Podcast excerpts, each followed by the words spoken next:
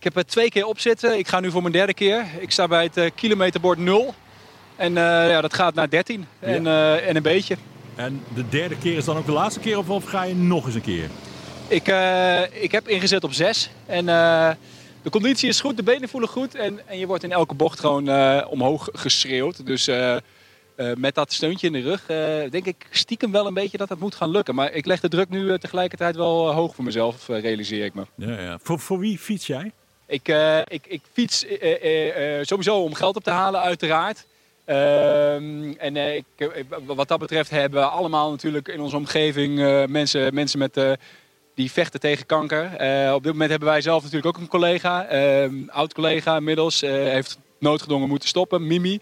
Ehm, dus ik fiets hem eigenlijk ook persoonlijk voor Mimi. En dat is wel gek. Toen ik over de finish kwam de eerste keer, toen klonk er een liedje waar de naam Mimi in voorkwam. oh, dus, dat, dat liedje, ja. wat dat betreft was, dat wel, was dat wel toepasselijk. En nou ja, je ziet om je heen natuurlijk ontzettend veel emoties bij mensen loskomen. Mensen die zelf ziek zijn, die hem oplopen. Ik sprak een jongen die uh, opliep voor zijn, uh, opfietste voor een uh, neefje van hem, 16 jaar overleden aan kanker. Eh, ja, en zo heb je hier echt duizenden verhalen. Het is, het is heel indrukwekkend, Rob. Ja.